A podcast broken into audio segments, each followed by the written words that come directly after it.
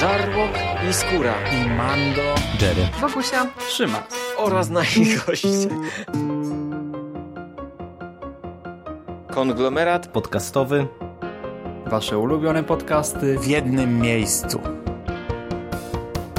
Zapraszamy. Zapraszamy. Zapraszamy. zapraszamy. Zapraszamy.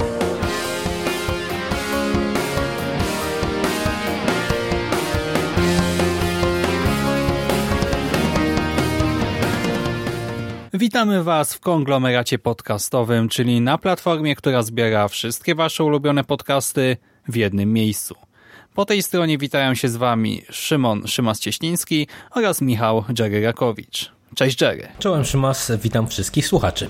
Tak, na chwilę wyłączamy muzykę w naszych iPodach i przełączamy się w tryb podcastowy. Chcielibyśmy dzisiaj porozmawiać o stosunkowo świeżym tytule, który nie wiem ile, dwa tygodnie temu miał premierę w kinach, czy nawet niecałe dwa tygodnie temu, czyli o Baby Driverze w reżyserii i ze scenariuszem kogo? Edgara Wrighta, czyli ulubieńca wszystkich geeków i nerdów. To co, to może na początek właśnie słówko o twórcy, nie? Znaczy w sumie nie wiem, czy tutaj trzeba coś mówić, bo chyba wszyscy Wrighta kojarzą z jego chociażby trylogii Cornetto, czy ze Scotta Pilgrima kontra świat. No i co tu dużo mówić, samo nazwisko Wrighta y, na, nie wiem, plakatach, materiałach promocyjnych już w jakiś sposób wpłynęło na oczekiwania, wywindowało je w sumie dosyć wysoko, nie?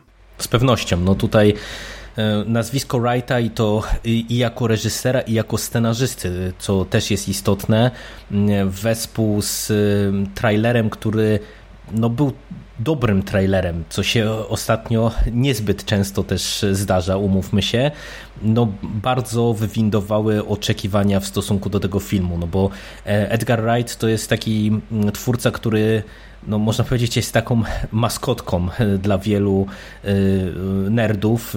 E, to jest twórca, który mm, jest tym twórcą, naszym twórcą, który lubi kino, rozumie kino, umie się bawić konwencjami, płynnie przechodzi od science fiction, czy thrillera, czy filmu kryminalnego do slapstickowej komedii, łączy to wszystko z romansem i to jest wszystko tak bardzo pomieszane, tak bardzo metatekstowe, i tak dalej, i tak dalej, no że umówmy się, y, to, to jest nazwisko, które na pewno powoduje, że e, oczekiwania przed seansem y, rosną i, i, i będą rosły pewnie w najbliższym okresie również. Mhm. I właśnie ciekawiło ludzi to, jak to będzie z tym scenariuszem, nie? No bo jednak przy tej trylogii Krwi i Lodów e, współpracował z Simonem Peggiem, przy Scottie też e, ktoś inny tam jeszcze grzebał przy scenariuszu, a tutaj za wszystko odpowiada sam Wright i w sumie już po trailerach było widać, że to będzie specyficzne kino, ale właśnie niekoniecznie tak bardzo meta, przynajmniej ja tak tego nie wyczułem. W sumie to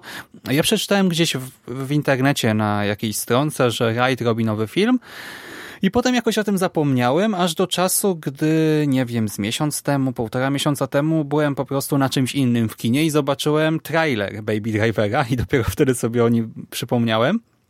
Potem oglądałem też te inne materiały promocyjne i w sumie wszystkie trailerki, zajawki, fotosy y, działały bardzo zachęcająco. Były ładne, klimatyczne, estetycznie bardzo dopracowane i no spodziewałem się czegoś y, fajnego, dobrego, właśnie dopracowanego, a do tego jeszcze jakoś zaraz po premierze światowej pojawił się taki specjalny trailer, który tam pokazywał te takie najlepsze recenzje, nie? I tam nawet było napisane, że ten film miał chyba 100% na Rotten Tomatoes przez ileś tam czasu po premierze i w ogóle wszyscy mu dawali 10 na 10, 5 na 5, 6 na 6.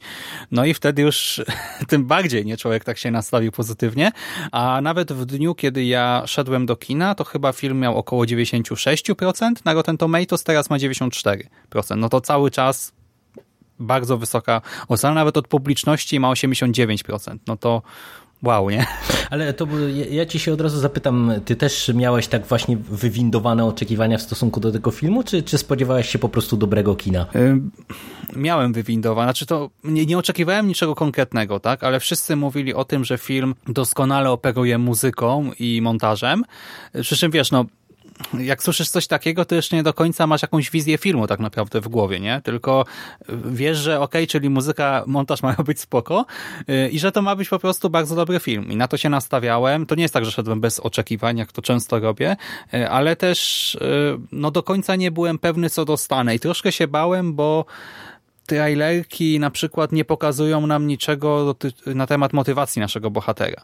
Tak troszkę uproszczają cały koncept filmu który na ekranie wypada moim zdaniem lepiej niż w zwiastunach jeszcze, e, więc jakąś tam drobną obawę może miałem, ale no, miałem nadzieję, że to będzie naprawdę bardzo dobry film i już teraz mogę powiedzieć, że ja się nie zawiodłem. Ze mną było troszeczkę inaczej, ale to dlatego, że ja i tu wielu mnie teraz odsądzi od czci wiary. Nie darzę Edgara Wrighta jakąś nabożną czcią. Ja, ja mam lekkie problemy z tym twórcą, w tym sensie, że mam filmy w jego dorobku, no, których też umówmy się, on jakoś specjalnie wiele nie stworzył. Takie, które bardzo lubię, jak chociażby Scott Pilgrim albo Hot Fuzz, które no, są świetnymi filmami, ale na przykład już The World's End y, wspominam tak sobie, jako film dosyć nierówny, y, a Shaun of the Dead y, to jest w ogóle film, który ja wspominam koszmarnie źle I, i po prostu jak ja czytam recenzję na poziomie, że to jest jeden z najlepszych filmów takich horrorów komediowych ever, no to, to stwierdzam, że jakbym chyba sobie musiał go jednak odświeżyć, bo ja nie wiem, czy po prostu jak go w złym momencie obejrzałem, czegoś nie, nie skumałem, czy o co chodzi. No, no i po prostu też chociażby nawet patrząc na, na te jego ostatnie ruchy, no on, on był przecież jednym z twórców e, marvelowskiego Antmana, co prawda tam się ostatecznie wypisał z e, projektu, e, ale mm, wszyscy raczej są zdania takiego, że ten końcowy efekt no, jest taki bardzo wrightowski, a a ja też jakoś z Antmanem mam delikatne problemy, więc ogólnie ja się spodziewałem czegoś dobrego, ale, ale to się nie przekładało na to, że wiedziałem czego się spodziewać i, i y, to było też o tyle zaskakujące, że mi się wydaje, że te trailery i cała ta kampania promocyjna, one zwiastowały w sumie nieco inne kino niż Wright do tej pory nam serwował, no bo jednak y, tak, tak, no, tak. Z, mhm. ta trylogia Cornetto y, i, i te, ta jego współpraca z między innymi z Pegiem, no to, to, czy z Nickiem Frostem, no to, to było e, coś jednak bardzo specyficznego i, i ci twórcy byli przecież łączeni dosyć jednoznacznie jako taka paczka, można powiedzieć, która odpowiada za te y, najbardziej znane dokonania y, Wrighta. No a tutaj no, mieliśmy do, zobaczyć tak naprawdę no, kino inne, w sumie z niedużym budżetem, bo to też jest zaskakujące, że ten film teoretycznie wygląda jak taki typowy hollywoodzki produkcyjniak za miliony dolarów, a on przecież mm, ma relatywnie niewielki budżet, bo to, to było gdzieś tam niespełna 35 milionów dolarów, czyli, czyli w sumie jak na mm, też ilość gwiazd w obsadzie, to naprawdę wydaje mi się, że to jest bardzo niski budżet. Nawet chyba mniej troszkę, no, no więc to naprawdę nie są duże tak, pieniądze. I, i, I mimo tego, że ja do końca nie wiedziałem czego się spodziewać, ja mówię, a dla mnie Wright nie jest jednoznacznie, y, wiesz, w mózgu połączony z dobrym filmem, no to to też się nie zawiodłem i, i dostaliśmy coś naprawdę y, fajnego i innego, wydaje mi się, i, i jest to pewne no ja bym nie powiedział może nowa jakość, ale, ale coś, co pokazuje dobitnie, że e, Wrighta można lubić albo nie lubić, ale na pewno go trzeba szanować jako twórcę, który no widać, że na kinie zjadł zęby, bo, bo po prostu to, to widać w każdej scenie prawie w tym filmie. E, tak, to ja może, skoro już poruszyłeś ten wątek, dodam też od siebie, że w sumie to mamy sporo wspólnego, bo ja też nie jestem e, fanboyem Wrighta. Czy ja doceniam jego ogólnie twórczość i też e, w sumie nawet chyba nasze oceny się w miarę pokrywają. Tak można by teraz wejść w szczegóły, ale jednak szkoda na to czasu, nie? To najwyżej kiedyś nagramy osobne filmy. Może gdybyś powtarzał, też bym sobie może w sumie powtórzył yy, może nawet i całą trylogię, ale to kiedy indziej. A teraz właśnie chciałem dodać tylko, że yy, znaczy to, że Wright to tworzy, no to już był taki sygnał, że to może mieć wartość dodaną, ale to też może jednak nie do końca do mnie trafić, ale właśnie z jednej strony raj, z drugiej strony dobre trailery, ale też to, o czym wspomniałeś teraz, czyli ta obsada, bo obsada też jest ciekawa Mamy przede wszystkim, co się rzuca z trailerów, od razu Kevina Spacey'ego, który gra Kevina Spacey'ego. tak. Tego ostatniego Kevina. Swoją drogą to jest ciekawe, bo ostatnio e, oglądałem jakieś scenki z 7, nie? No i tak widziałem tam Kevina jako Johna Doe i teraz myślę o Franku Underwoodzie czy Doku chociażby e, z Baby Driver i e, no ciekawe przeżycie, nie? jak się ma w głowie jedno i drugie. Y, oprócz niego mamy, nie wiem, Jamie'ego Foxa, o którym ostatnio wspominaliśmy w konglomeracie przy okazji niesamowitego Spidermana. No, teraz jest kojarzony z czym? Chyba z Django, z Rayem, nie? Z tych ostatnich produkcji. Mamy, nie wiem, Johna Berntala, y, czyli naszego Punishera od Netflixa. Y, mamy Johna Hamma w roli Badiego, czyli Dona z Madmena. I no to jest taka wybuchowa mieszanka w Tak, sobie. no i jak się doda jeszcze tych młodych aktorów, bo przecież e, Ansel Elgort e, no, to, to jest jakaś tam młoda gwiazdka y, kina w tej chwili, no, no to to zwiastowało, że to może być taka wybuchowa mieszanka, no bo mieliśmy od razu widoczne jak na dłoni, że tu będzie po prostu, wiesz, kilka pokoleń aktorskich z, z różnym dorobkiem, z różnym stylem, połączonych w, w, jedną mieszankę. No, jak się okazało, całkiem wybuchową. Mhm, bo wiadomo, że te, ta starsza gwardia, no to już jest znana, jest kojarzona z konkretnymi rolami, konkretnymi gestami, konkretnym sposobem gry, a ci młodzi, znaczy Ansel Elgort wybił się w tym filmie Gwiazd Naszych Wina, nie? On też tam był nominowany do jakiejś absurdalnej ilości nagród, mam wrażenie. Lily James, czyli jego właśnie ekranowa partnerka, to znowu jest Kopciuszek, y, z Kopciuszka z 2015. Y, ona grała w, i w Wojnie i, w, poko w Wojnie i Pokoju, w Dumie Uprzedzenie i Zombie, y, w tym Downton Abbey i też jest kojarzona w sumie, tak? Nie wiem na ile jest popularna, lubiana, no ale z drugiej strony jak jednak dostała te główne rolki, no to jakieś tam uznanie, e, jakimś tam uznanie musi się cieszyć w środowisku. Dla mnie ona była troszkę mniej znana, ale e, no też się nastawiałem właśnie na to zestawienie młodych, starych i na taki naprawdę dynamiczny miks i, i to też dostałem. No właśnie, może w ogóle to jest dziesiąta minuta nagrania pewnie już. Przejdźmy do samego filmu. O co w tym wszystkim chodzi? Kim jest ten Baby Driver? Baby to jest imię naszego głównego bohatera, Baby ma fioła na punkcie muzyki i jest kierowcą, ale nie takim niedzielnym, tylko ma umiejętności na miarę kierowcy rajdowego. I jako młody człowiek pracuje dla organizującego skoki na banki i inne instytucje, bossa jakiegoś tam przestępczego świadka lokalnego, jakiejś miejscowej mafii, bossa o pseudonimie Doc, w tej roli właśnie Kevin Spacey. I naszych bohaterów, Baby'ego i Doka, łączy taka niepisana umowa. W związku z pewnymi wydarzeniami z przeszłości, Baby musi odpracować co nieco u Doka, a mianowicie pomóc mu przeprowadzić konkretną, z góry określoną ilość skoków. Poznajemy naszego bohatera w momencie, gdy zalicza przedostatni skok i jednocześnie zakochuje się w kelnerce z miejscowego lokalu, Deborze, w tej roli właśnie Lily James. I niestety, jak możemy się spodziewać w tego typu kinie, nie jest tak łatwo odejść z przestępczego świata, dlatego ten ostatni skok niekoniecznie jest ostatnim, do tego nie wszystko tutaj w tej przestępczej działalności idzie po myśli Baby'ego. I ogólnie no, ma spore tarapaty nasz bohater. I jak słyszycie, jest to taki miks, mieszanka, hybryda, z jednej strony heist movie, kładącego nacisk na pościgi oraz no właśnie, jakby to określić. No, można by teoretycznie powiedzieć musical, tylko że tutaj od razu się ludzie burzą, gdy to słyszą, że przecież tutaj nie śpiewają, tak? Więc y, można by powiedzieć, że to jest miks właśnie heist movie i teledysku, ale to znowu jest moim zdaniem troszkę krzywdzące dla tego filmu, bo to jest coś więcej niż teledysk, to co tutaj widzimy.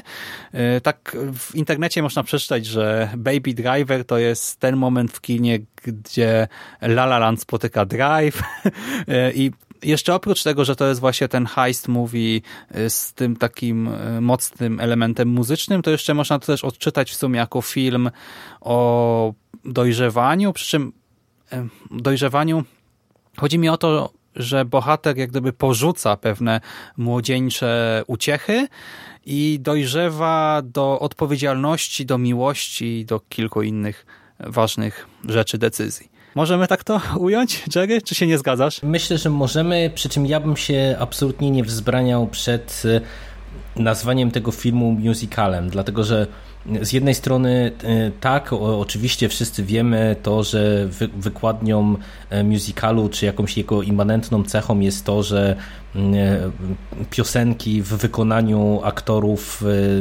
i taniec w wykonaniu aktorów mm, posuwają nam akcję do przodu. Natomiast Tutaj, mimo że teoretycznie tego nie ma, to jednak ta warstwa muzyczna i to, jak to zostało wplecione w fabułę filmu jest moim zdaniem na tyle istotne i na tyle właśnie posuwa fabułę do przodu, na tyle wpływa na to, co dostajemy w tej opowieści, e, że e, moim zdaniem jak najbardziej uprawnione jest nazwanie tego filmu musicalem. Specyficznym, nietypowym, ale mimo wszystko musicalem. I Myślę, że warto mieć tego świadomość przed seansem, dlatego że mm, tak jak streściłeś tą fabułę, to myślę, że niektórzy z Was od razu y, wyczuli, że ona jest dosyć sztampowa i, i ja bym powiedział, że ona na ekranie faktycznie jest dosyć sztampowa. Tutaj Wright wykonuje pewne wolty fabularne, stara się tę historię poprowadzić e, nieco inaczej niż byśmy się tego spodziewali. Znaczy nie stara, no on to robi, bo znaczy ten schemat, szkielet, tak, on jest sztampowy, bo mówimy o kinie gatunkowym, ale za to jego realizacja, rozwinięcie moim zdaniem wcale nie jest taka sztampowa, bo jest tutaj dużo elementów dodanych, dużo elementów innowacyjnych i tak, tak, tak, ale, też ale wiesz, w samej warstwie treściowej. Ale mi, mi jakby chodzi o to, że mimo wszystko jakby tutaj od strony fabularnej wydaje mi się, że nie należy się nastawiać na jakieś przesadne fajerwerki, bo, bo w gruncie rzeczy to jest po prostu dosyć prosta opowieść. Mi bardziej chodziło mm, o to, nie o to, że wiesz, że Wright nie dodaje y, do, do, tej, do takiego, takiego szkieletu, do tego schematu y, znanego z heist movie połączonego z jakimś tam romansem y, nic od siebie, tylko bardziej mi chodzi o to, że widać tutaj, że ta fabuła lawiruje, mamy parę jakichś tam volt mniejszych lub większych, ale w gruncie rzeczy no to jest historia po prostu o dojrzewaniu do pewnej odpowiedzialności za swoje czyny, można powiedzieć najkrócej i i wydaje mi się, że na poziomie fabularnym to mimo wszystko to nie jest y, jakieś wielkie dzieło. To jest przyjemny film y, i wydaje mi się, że to, co y, pada w niektórych recenzjach, to chociażby chyba niezatapialni w osobie Tomka Pstrągowskiego chyba rzucili coś takiego, że to jest film o niczym.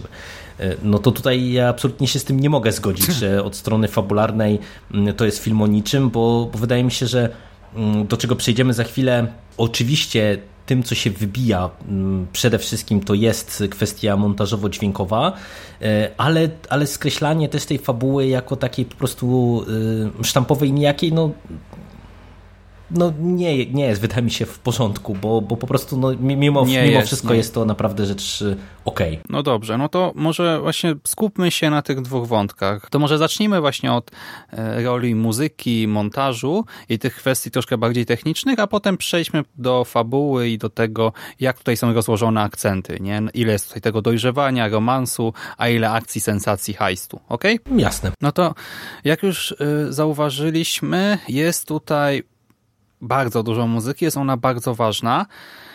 E, ty powiedziałeś, że można to nazwać muzykalem. Ja też bym się za, e, do tego przychylał, bo tak, jest to nietypowy muzykal, nie śpiewają, a przynajmniej nie tak, jak śpiewają w muzykalu, bo jeżeli już, to tak po prostu e, no, śpiewają jako normalni ludzie, a nie jako aktorzy wykonujący piosenki, co moim zdaniem dodaje temu filmowi uroku, ale warto zaznaczyć, że w tym filmie, znaczy okej, okay, powstała do niego jakaś też ścieżka dźwiękowa, ale e, tak się zwykło już mówić, mam wrażenie, że to nie do niego napisano muzykę, a to ten film troszkę e, zmodyfikowano, napisano pod muzykę, pod ścieżkę dźwiękową, bo ona jest tutaj przeokrutnie ważna. Ona jest tutaj nawet ważniejsza jako zarówno muzyka, muzyka, jak i jako element świata przedstawionego i element fabuły jest moim zdaniem nawet ważniejsza niż składanka Quilla w Strażnikach Galaktyki. Na, pewno, na pewno tak. To, to, to no. nie, ma, nie, ma, nie ma w ogóle tutaj dyskusji, jeżeli o to chodzi. I w tym filmie, w Baby Driver,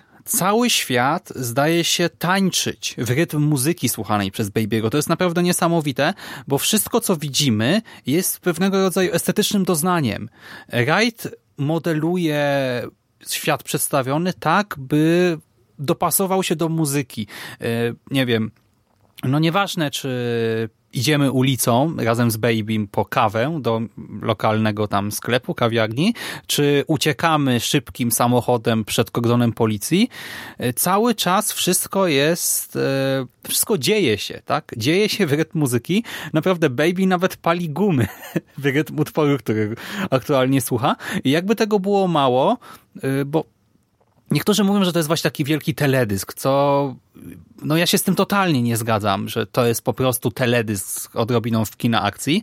E, tutaj bohater ma fioła na punkcie muzyki. I to nie dlatego, że tak chce twórca, tylko to wynika z jego przeszłości, to wynika ze scenariusza jednoznacznie. Wszystko jest uzasadnione, umotywowane.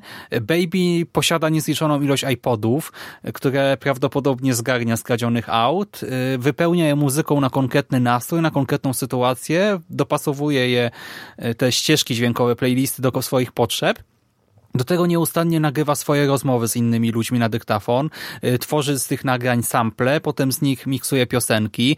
Y, mamy wątek jego problemów ze słuchem i tego, dlaczego w ogóle słucha tej muzyki. Do tego mamy jego przybranego tatę, y, który jest głuchoniemy i tutaj naprawdę dźwięk w tym filmie też fabularnie odgrywa przeogromną rolę i ja naprawdę byłem w szoku, jak to wszystko się ładnie spaja w jedną całość, bo to, to to nie jest tak, że ja się doszukuję tej interpretacji po seansie, tylko ja to widzę w każdej sekundzie seansu. No ja bym dodał przecież, że nawet muzyka jest kluczowa dla tego romansu, bo y, przecież y, tutaj tak, tak. Wie, wiele osób też narzeka na ten wątek romantyczny, czego ja z kolei zupełnie nie rozumiem, bo y, tu było widać od pierwszego spojrzenia, kiedy e, Baby widzi Deborę, czy e, wtedy jeszcze widzi tak naprawdę różowe słuchawki i od pierwszego dialogu, który jest wypełniony muzyką, e, no od razu widać, że oni się w sobie zakochują, czy szczególnie Baby się zakochuje najpierw właśnie nie tyle w samej Deborze, co,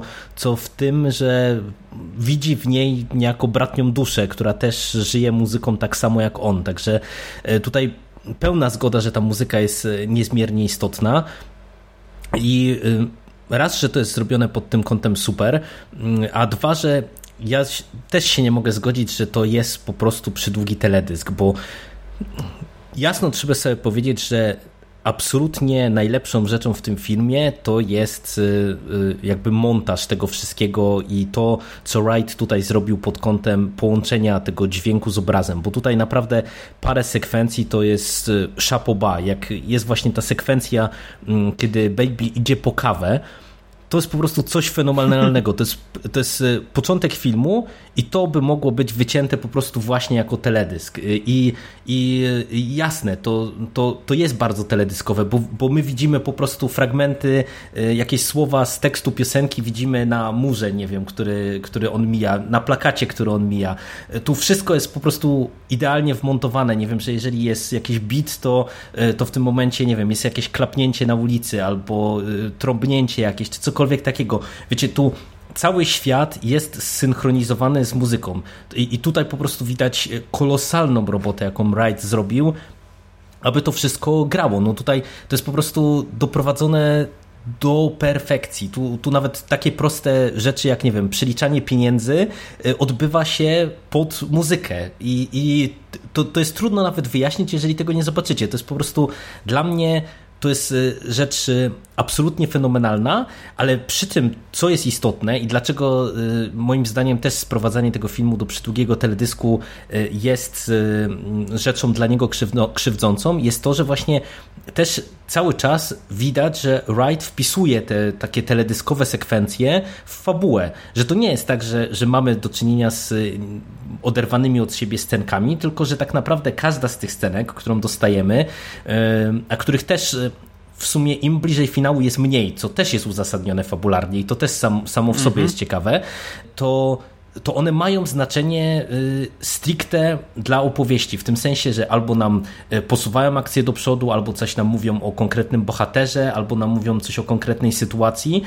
Tutaj w zasadzie mm, każda z tych scenek, jeżeli byśmy ją sobie wycięli, to ona może funkcjonować jako taki teledysk do danej piosenki, można powiedzieć, ale z kolei film bez danej wyciętej na przykład sekwencji, on byłby niepełny, bo czegoś by nam brakowało, czegoś by nam brakowało y, właśnie, nie wiem, w mm, nakreśleniu chociażby czy Baby'ego, czy w nakreśleniu jakiejś jego motywacji do działania i tak dalej, i tak dalej. I pod tym kątem to się naprawdę tutaj udało e, rewelacyjnie, rewelacyjnie. To jest, to jest majstersztyk po prostu. Dokładnie, dokładnie, dokładnie i jeszcze to, co mnie wkurza w tym porównaniu, to fakt, że okej, okay, ja nie siedzę za mocno w rynku muzycznym, nie śledzę od naprawdę kilku ładnych lat, nie wiem, pięciu, sześciu, siedmiu e, teledysków jakoś na bieżąco. Kiedyś miałem taką fazę przez też kilka lat, ale od jakiegoś czasu praktycznie zerwałem z zainteresowaniami muzyką, ale naprawdę dla mnie to jest zmontowane o niebo lepiej niż 90% teledysków, które ja widzę. Nawet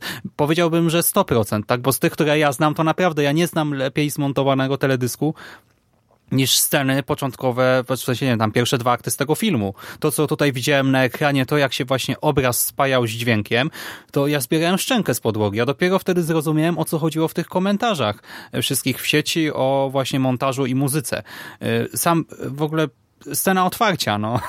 Początek tego filmu, pierwsze tam kilka minut, y, nawet jeszcze przed tym spacerem po kawę, czy liczeniem pieniędzy i spotkaniem właśnie w tej dziupli. Y, no kurczę, to, to wszystko jest naprawdę genialnie zrealizowane. Dużo, dużo lepiej moim zdaniem niż naprawdę większość teledysków z mojego prywatnego doświadczenia nawet wszystkie teledyski, y, ale że no nie siedzę w tym, no to pewnie są też takie na takim poziomie. Ale naprawdę świetna rzecz i y, to, że na przykład Baby tutaj słucha muzyki także w czasie tych skoków i muzyka jest dla niego niby ważna. To jest tak pokazane, że on odpala muzykę w konkretnym momencie i potem ona pasuje do tego, co widzimy na ekranie, ale też pomaga jak gdyby Baby'emu y, w kierowaniu, tak? On timing różnych rzeczy w trakcie skoku rozpoznaje po, po tym, w którym momencie w utworze jest, który, którego słucha.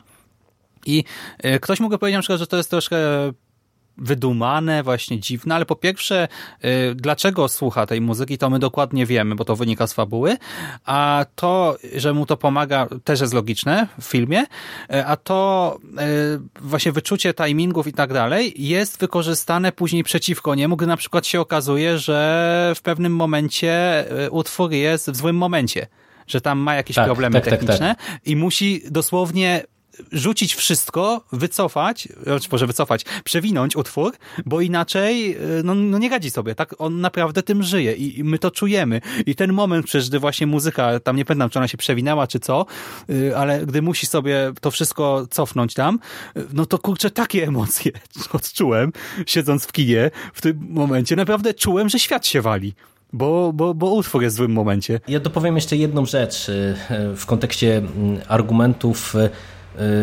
przeciw temu filmowi, bo, bo to też warto powiedzieć, że wydaje mi się, że y, Baby Driver bardzo podzielił y, widzów i to zarówno i fanów Edgara Wrighta i, i widzów, którzy no, pewnie z tym twórcą nie mieli wiele do czynienia. I, i wyraźnie widać te, te dwa obozy, gdzie jedni bardzo chwalą ten film i podnoszą jak to jest świetne dzieło, e, a y, cały szereg y, widzów też y, narzeka na banalną fabułkę, na słabe zwroty akcji, teledyskowość, teledyskowość i tak dalej, i tak dalej. I ja bym chciał dopowiedzieć tutaj coś takiego, co też mówię, znowu stracę pewnie w oczach niektórych.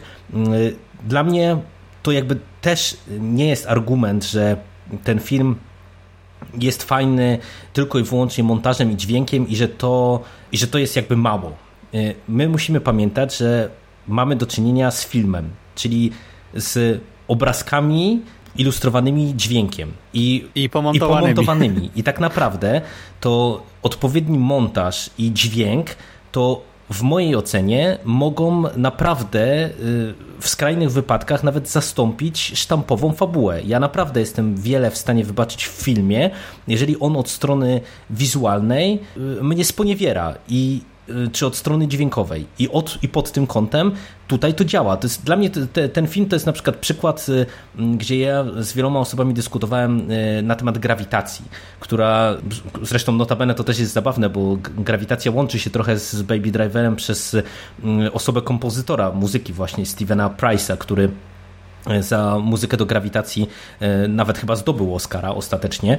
I dla mnie grawitacja, nad którą słyszałem bardzo dużo zachwytów, była filmem paradoksem, bo ja e, pamiętam, że jak widziałem e, grawitację w kinie w IMAXie, to po prostu no, zaliczyłem kompletny opad szczęki, ale dla mnie ten film działa tylko i wyłącznie od strony właśnie tej wizualno-technicznej. Tam fabuła, y, symbolika, którą operuje y, reżyser i scenarzysta, y, poprowadzenie całej tej historii, no to momentami to wręcz wołało pomstę do nieba. Ale ja nie skreślam tego filmu, bo właśnie to, co oni zrobili tam pod kątem technicznym, to jest czapki z głów. I tutaj, nawet jeżeli, o czym też zaraz sobie jeszcze podyskutujemy, na ile nam te rozwiązania fabularne pasują, na ile ten wątek romantyczny jest dobrze rozegrany i tak dalej, i tak dalej, ale nawet jeżeli ktoś e, właśnie te elementy takie stricte fabularne będzie oceniał negatywnie, to wydaje mi się, że naprawdę nie możemy mówić, że to jest e, tylko i wyłącznie dobry dźwięk i, e, i montaż w tym sensie, jako że tylko, że to jest za mało, żeby to był dobry film. Nie, to jest właśnie tak wybitny film, dlatego że te elementy tak świetnie się udały. A opowieść opowieścią możemy sobie dyskutować, na ile to jest rzecz udana, na ile nie. Ale, ale tym Wright moim zdaniem wygrał w tym przypadku. Mhm, technikalia są na poziomie 11 na 10. Kropka. I teraz przejdźmy do postaci i do z jednej strony wątku dojrzewania i miłości, a z drugiej strony do tej akcji. Tak jak powiedziałem, niektórzy mówią, że to jest teledysk y, i słaby akcyjniak w jednym. Spoko. Fajnie macie. E, tak, e, akcja, sensacja w tym filmie, ten cały heist, e, no to wiecie, jeżeli się nastawiacie na Johna Wicka, no to tego tutaj nie dostaniecie. Jeżeli się nastawiacie na kino kopane z ubiegłego stulecia, to też tego tutaj nie dostaniecie.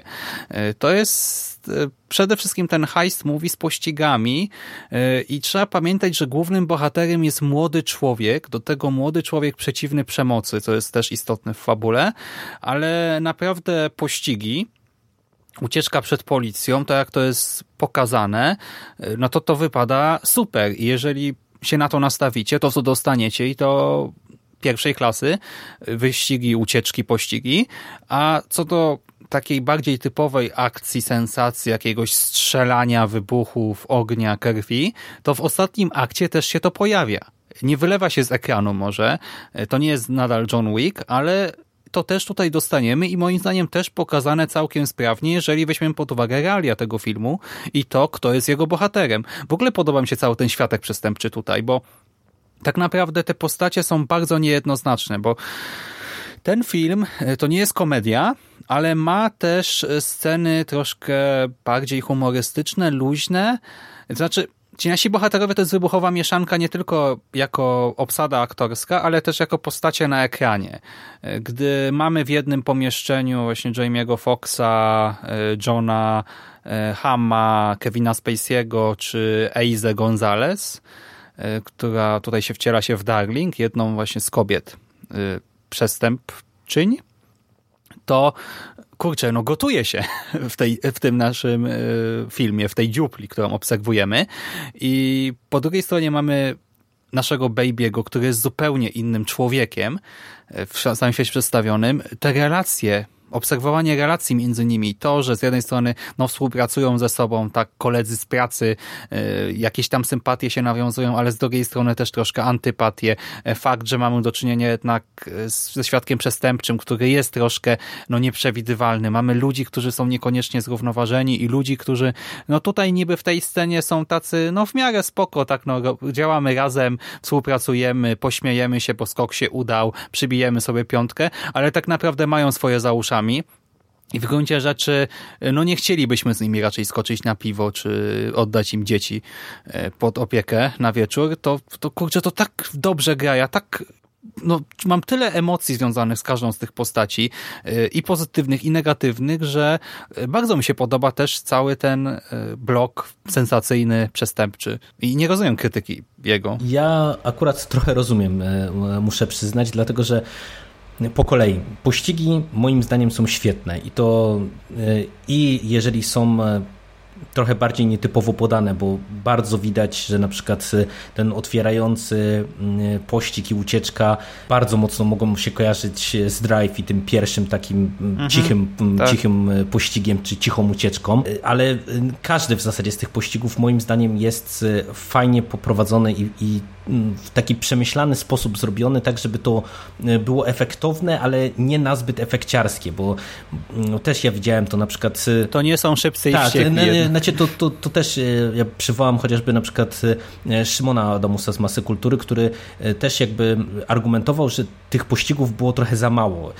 I ja pamiętam, że jak z nim dyskutowałem, to, to też jakby wskazywałem na to, że moim zdaniem te pościgi są ok, bo one właśnie nie są takie nazbyt przegięte, bo tutaj jakbyśmy dostali ich więcej albo, albo by podkręcili jeszcze to tempo, to to wydaje mi się, że to by mogło rzutować negatywnie na całości. Natomiast E, niestety co do tej przemocy i tego świadka przestępczego, to ja rozumiem trochę te zarzuty, dlatego że ja z ostatnim aktem mam spore problemy e, i w mojej ocenie jednak tutaj się dzieje sporo rzeczy, które nie do końca dobrze są uzasadnione scenariuszowo, nie do końca wyszły.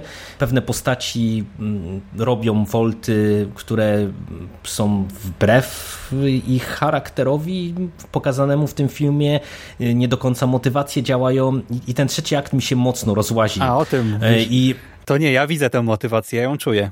Znaczy, to, to, to jeszcze może za chwilę o tym podyskutujemy, ale, ale spoko, ogólnie spoko, ten trzeci no. akt mi się, trzeci, no, ten finałowy akt mi się dosyć mocno mimo wszystko rozłazi. Natomiast e, jeżeli chodzi o aktorów, to, to tutaj też e, i, i jakby wiesz, tą chemię tego świadka przestępczego, to też ja mam z tym problem, bo aktorsko jest momentami rewelacyjnie, bo Spacey, mimo że gra w trybie Franka Underwooda, jest świetny.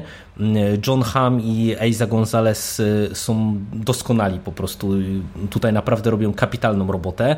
Ale już na przykład Jamie Foxx mnie bardzo irytował, ale też dlatego, że on gra Jamie'ego Foxa z niektórych filmów. To on mi przypominał tak. tam, ktoś ze słuchaczy może oglądał taką komedię Szefowie Wrogowie. On tam gra jakiegoś takiego niby pseudo-gangstera i niestety Jamie Foxx gra w tym filmie w trybie tamtego niby pseudo-gangstera i on niby ma być tutaj groźny, taki twardy i tak dalej, ale to wypada słabo i, i ta postać mnie strasznie irytowała i y, na tle tego, jak ta szajka działa, y, no to niestety to mi trochę y, kulało, no bo jednak wiesz, no, mamy pokazany zespół, który teoretycznie działa od dłuższego czasu i działa efektywnie. Znaczy nie, nie, nie, nie, nie, nie, nie, nie właśnie Jerry on, ten zespół, to, to przecież to jest fabule, ale nie, ja, nigdy nie, nie jest no, taki ja, sam. Ja wiem, nie? ja wiem, do czego zmierzasz, że nie jest taki sam, ale, e, ale patrząc na to, że chociażby Jamie Foxx się pojawia nam jako postać w dwóch kolejnych napadach,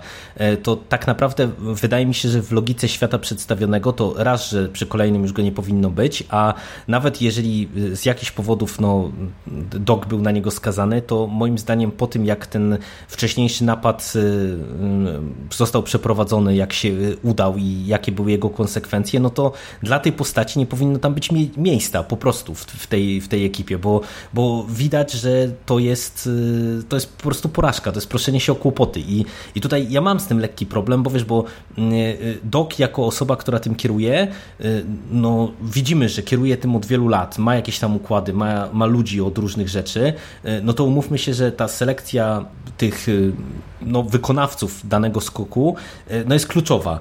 No i, i widać jak na dłoni, że to była pomyłka, że, że tutaj tak naprawdę widzimy dwa razy duże błędy przy dwóch kolejnych skokach, które rzutują na tym, jak e, ta cała akcja się toczy. No a to moim zdaniem wiesz, rzutuje na logice świata przedstawionego, bo w tym momencie ja mam problem uwierzyć w to, że e, całe, całe to przedsiębiorstwo, cały ten biznes mógł tak efektywnie funkcjonować przez długi okres czasu, jeżeli my widzimy w filmie trzy napady i dwa z nich idą źle.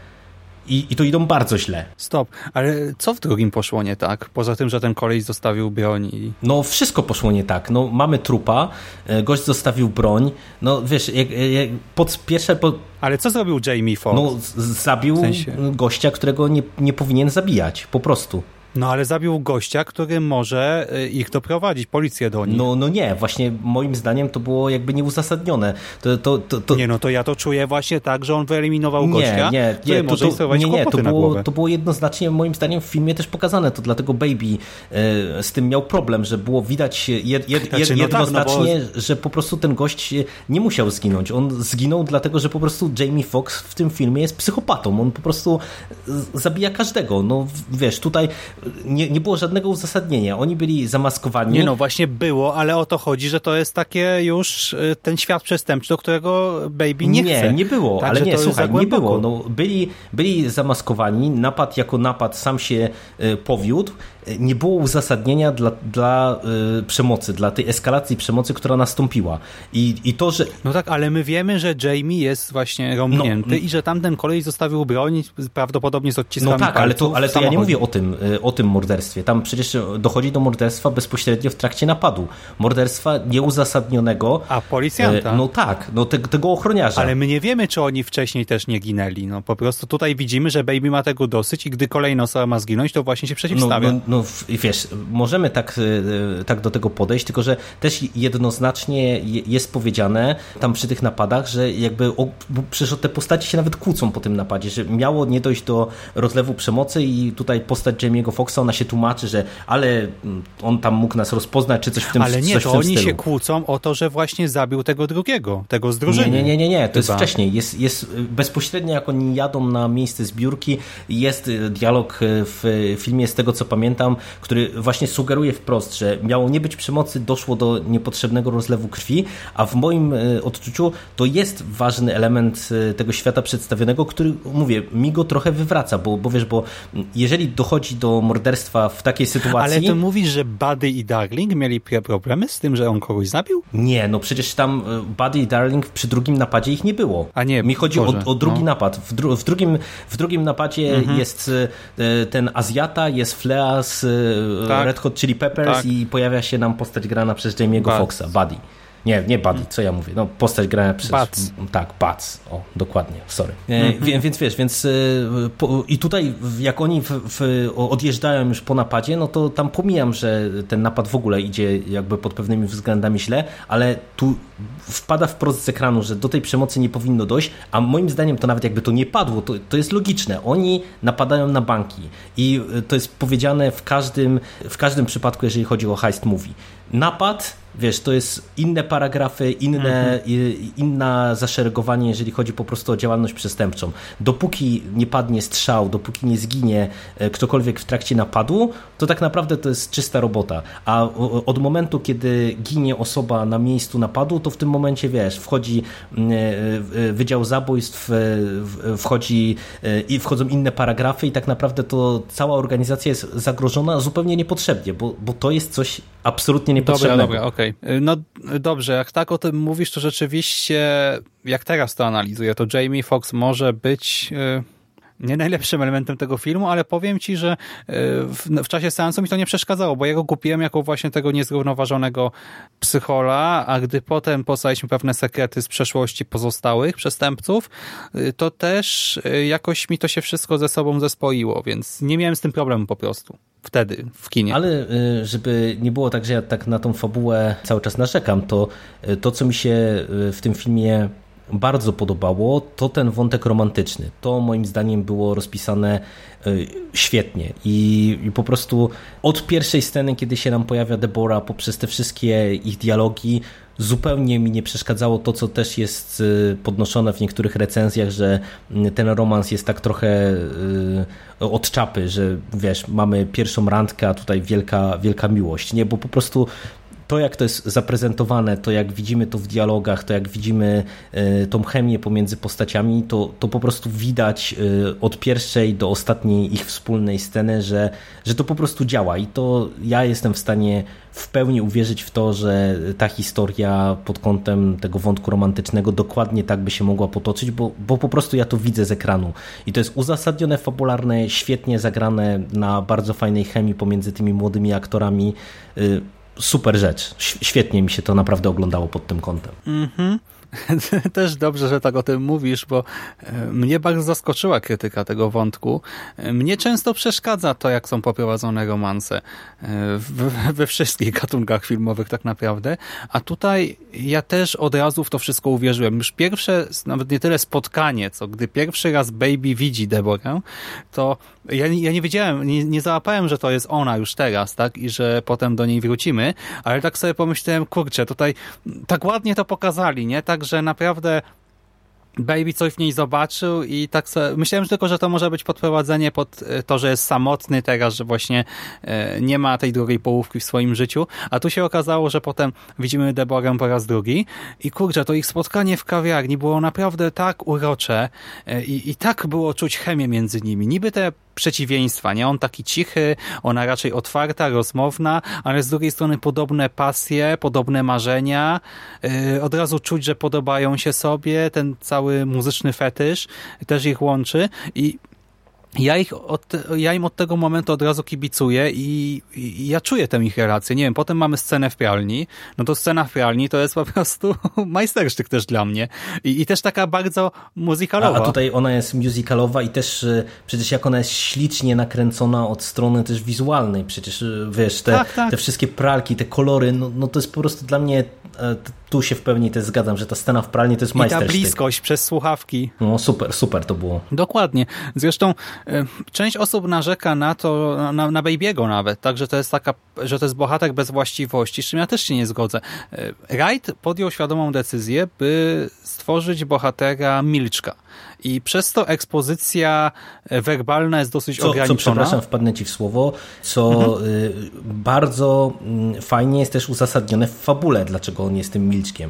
Bo tutaj pod, pod tym mhm. kątem też y, Wrightowi trzeba oddać, y, że się tak wyrażę, co cesarskie, że niektóre rzeczy, które do których można by teoretycznie mieć zastrzeżenia, jak się o nich tak, wiesz, mówi w rozmowie, one są na tyle fajnie uzasadnione w tym świecie przedstawionym w całej historii, nie wiem, postaci, przeszłości i tak dalej, i tak że, że tutaj y, nie ma problemu, żeby pewne teoretycznie nie do końca trafione rozwiązania zaakceptować. I właśnie ta, to milczenie Baby'ego jest jednym z tych rozwiązań, bo jak się wiesz, spojrzy na, na jego przybranego ojca, jak się spojrzy na jego e, ten muzy muzyczny fetysz, że on cały czas w zasadzie chodzi ze słuchawkami na uszach, no sorry, to jest logiczne, że on nie będzie się odzywał, no bo najbliższa jego osoba nie mówi, a, a przez pozostały okres czasu on chodzi i słucha muzyki. Więc fajna rzecz. Tak. Drobny smaczek, ale fajny. Nie drobny, to jest bardzo duży i naprawdę pyszny smaczek. I e, tak jak mówię, w związku z tym dialogi są troszkę ograniczone, ale bohaterów poznajemy za pośrednictwem e, po prostu konkretnych scen i też tych technikaliów, tego montażu, ścieżki dźwiękowej, czasami ruchu kamery, kadrowania e, i taki baby, tak jak powiedziałeś, jest uzasadniony, dlaczego niewiele mówi. Świat przedstawiony jest świadomy tego, że baby niewiele mówi i nawet mamy meta komentarze na ten temat, zresztą nie raz, a kilka razy, e, ale za to już e, dużo informacji czerpiemy nawet z mowy ciała baby'ego, z jego gestów, ruchu, z muzyki, z tego, czego słucha w konkretnej sytuacji, Poznajemy jego przeszłość, tak? Wiemy skąd się wziął ten muzyczny fetysz. Wiemy jak wpadł na Doka, jak uzależnił się od niego. Poznajemy tego jego ojca. Śledzimy powoli to nawiązanie relacji z Deborą. Poznajemy jego plany, marzenia na przyszłość. Obserwujemy e, tą wzrastającą niechęć do świadka przestępczego i wzrastający też, nie wiem, pacyfizm, może tak by to można e, ująć. E, potem tę eskalację relacji z Dokiem i też z Deborą i ten skok, który się nie powiódł, konsekwencje tego wszystkiego. Moim zdaniem Baby nie jest, tak jak niektórzy sugerują, właśnie takim jak to się mówi, no. Everymanem takim trochę, bez charakteru? E, nie, nie, znaczy no tak, ale w znaczeniu nie pacholęciem. nie, chochołem, A, okay. czy wiesz, kartonową postacią. Nie, wręcz przeciwnie, on ma dużo cech charakteru, on ma swoją historię, znamy jego przeszłość, potencjalną przyszłość i naprawdę jego postać kupuje i Debora, chociaż w związku z tym, że ona jest jednak obok Baby'ego, to o niej wiemy mniej, to też wychodzimy od tego właśnie stereotypu, od tego tropu sympatycznej dziewczyny, która chce się wyrwać z miasteczka, w którym żyje i w którym skazana jest na pewną stagnację, ale mamy tego bzika na punkcie muzyki, mamy te konkretne marzenia, które może też są jakoś tam konwencjonalne, ale y, jakoś tam budują jej postać i mnie więcej nie potrzeba, no bo ten film ma bardzo wielu bohaterów, wiele tych wątków i y, też no, trzeba było pewne rzeczy jednak obciąć i to, co dostajemy, mnie wystarcza. Jak najbardziej. To teraz znowu posłodziliśmy to, y, żeby nie przedłużać, to y, omówmy ten finałowy akt, z którym ja mam problemy, ty, ty mniejsze i będziemy podsumowywać pewnie.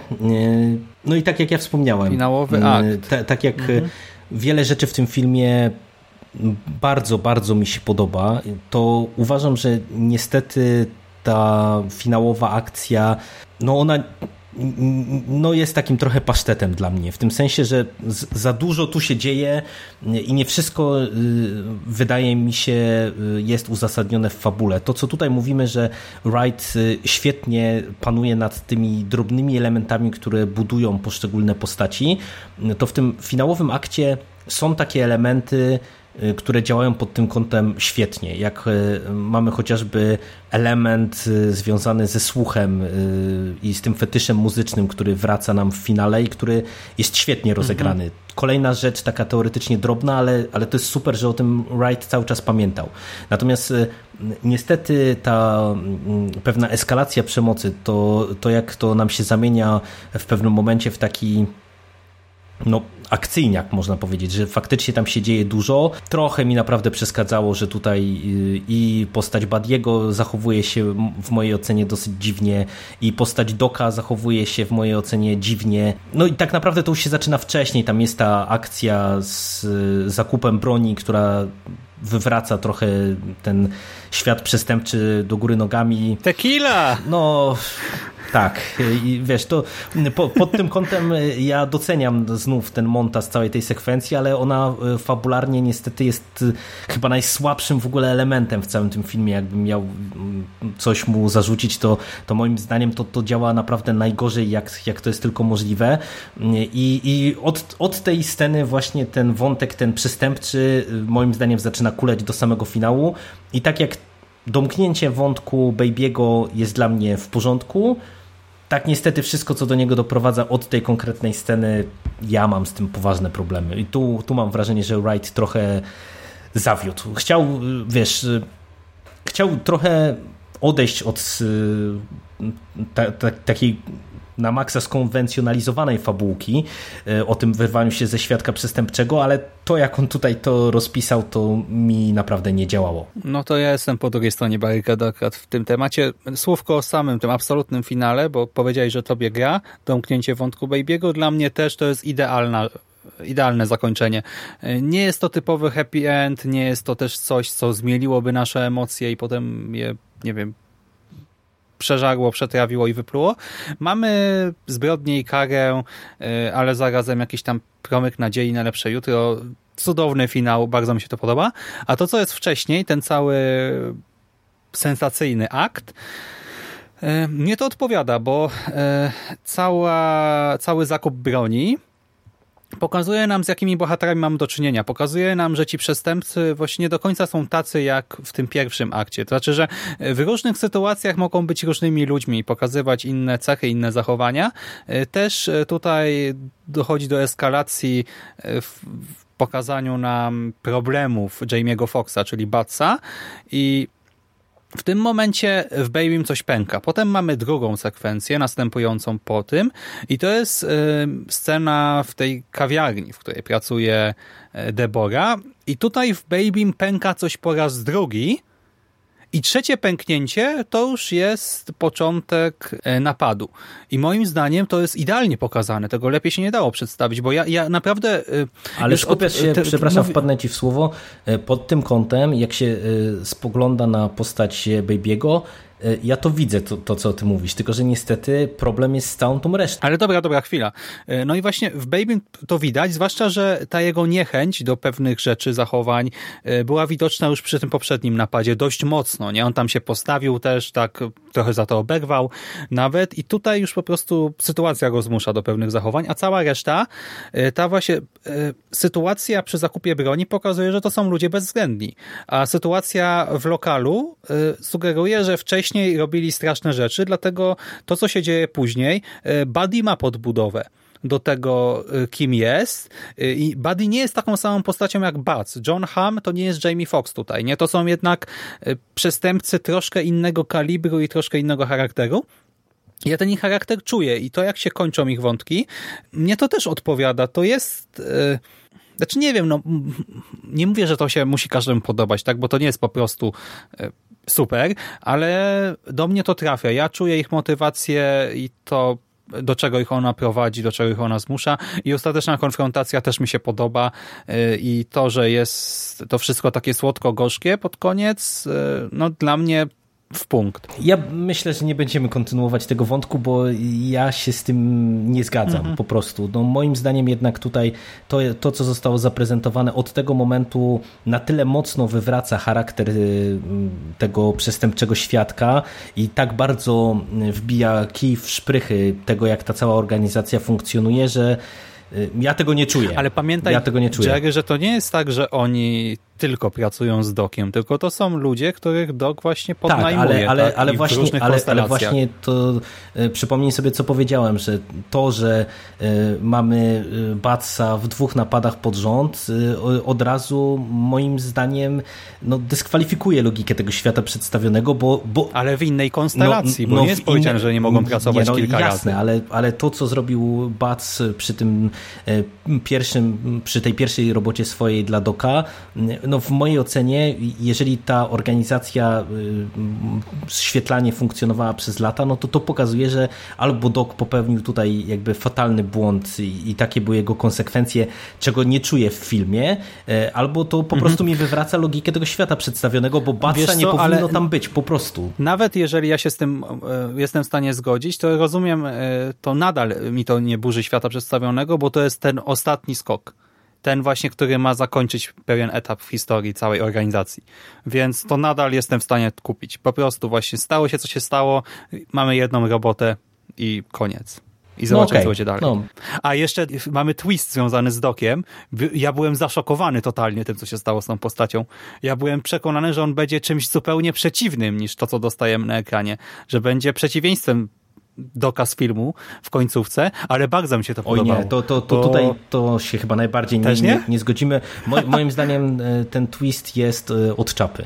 I ja teoretycznie, wiesz, Wright e, podprowadza pod to i mhm. ja rozumiem, że ty, ty możesz to bronić i ja jakby y, mogę ci nawet przyznać rację, że można to odczytać inaczej, ale moim zdaniem to wypada źle. To patrząc na to, jak ta postać jest prowadzona przez cały film, to dla mnie to, co się dzieje na końcu jest na tyle niekonsekwentne, że mi bardzo trudno uwierzyć w to, że w tej sytuacji y, przy tak y, no minimalnym, wiesz, podprowadzeniu pod, pod ten twistik że to mogło w ten sposób zafunkcjonować. Y, dla mnie to absolutnie tyle nie działa. współpracy, minimalne podprowadzenie, o czym ty No mówisz? nie, no ale to, to nie jest, że tyle lat współpracy. Tutaj tak naprawdę, wiesz, no to byśmy musieli wejść w większe spoilery. Tu mo, mo, wiem, moim wiem, zdaniem wiem. To, jest, to jest to tak naprawdę ta jedna scena poprzedzająca, ona nam sugeruje, że, że okej, okay, może coś być na rzeczy, e, ale po prostu patrząc na charakter Doka, który, który no jest y, tym twardym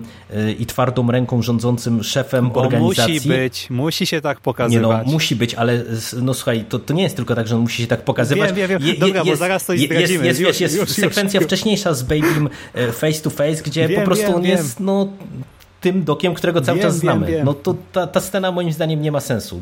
To, to jest tu źle poprowadzone, naprawdę. Mnie się podobała. No dobrze, ale już nie będziemy przesiągać. Nie, chyba nie ma sensu robić strefy spoilerowej, bo to po prostu już i tak wszystko przeanalizowaliśmy bez spoilerów. Ewentualnie możemy podyskutować w komentarzach dalej. Zachęcamy zresztą do dzielenia się opiniami. Ciekawe, ile osób się nie zgodzi. A ile osób? Wręcz przeciwnie. A my teraz będziemy powoli kończyć, bo mamy pewną robotę. E, O której ten bank otwierają? No, już niedługo. Także czas trochę, wiesz, Nie, nie, ale zdążymy. o, odświeżyć się No. mask, maski y, Myersa, ale pamiętaj tego z Halloween, nie, nie Tak, z y, no. Austina Powersa. Znaczy to, to Mando Driver miał kupić te maski, więc... Także uciekamy. Polecamy film, jakbyście Tak. jeszcze mieli jakieś wątpliwości, nawet pomimo uwag, bo wydaje mi się, że w kinie rozrywkowym to, y, to jest naprawdę y, pewien powiew świeżości, nawet jeżeli fabularnie się jakoś tam rozczarujecie, to myślę, że to nie jest tylko i wyłącznie ładnie zmontowany y, teledysk. To jest coś więcej. Mhm, To jest niekonwencjonalny film gatunkowy z Hollywood, y, mieszający troszkę te wspomniane wcześniej gatunki, bez kosmicznego budżetu, a wyglądający przepięknie, y, nie tworzący franczyzy, tylko będący jakąś tam zamkniętą całością, y, z fajnym wstępem, podprowadzeniem i dobrym zakończeniem. I no to jest coś w rodzaju takiego gatunkowego kina e, autorskiego, takiego filmu osobistego. I pod tym względem no to jest unikalne doświadczenie. To nie jest e, taki sam film jak te poprzednie Wrighta. To jest coś innego od naszego reżysera i scenarzysty, ale no ja też polecam, nie wiem, 8 na 10 miłego seansu. I dzięki Ci, Jerry, za rozmowę. Dzięki, dzięki, dzięki słuchaczom. A Wam, kochani, tradycyjnie życzymy miłego dnia, wieczoru, weekendu i do usłyszenia następnym razem. Trzymajcie się. Cześć. Cześć.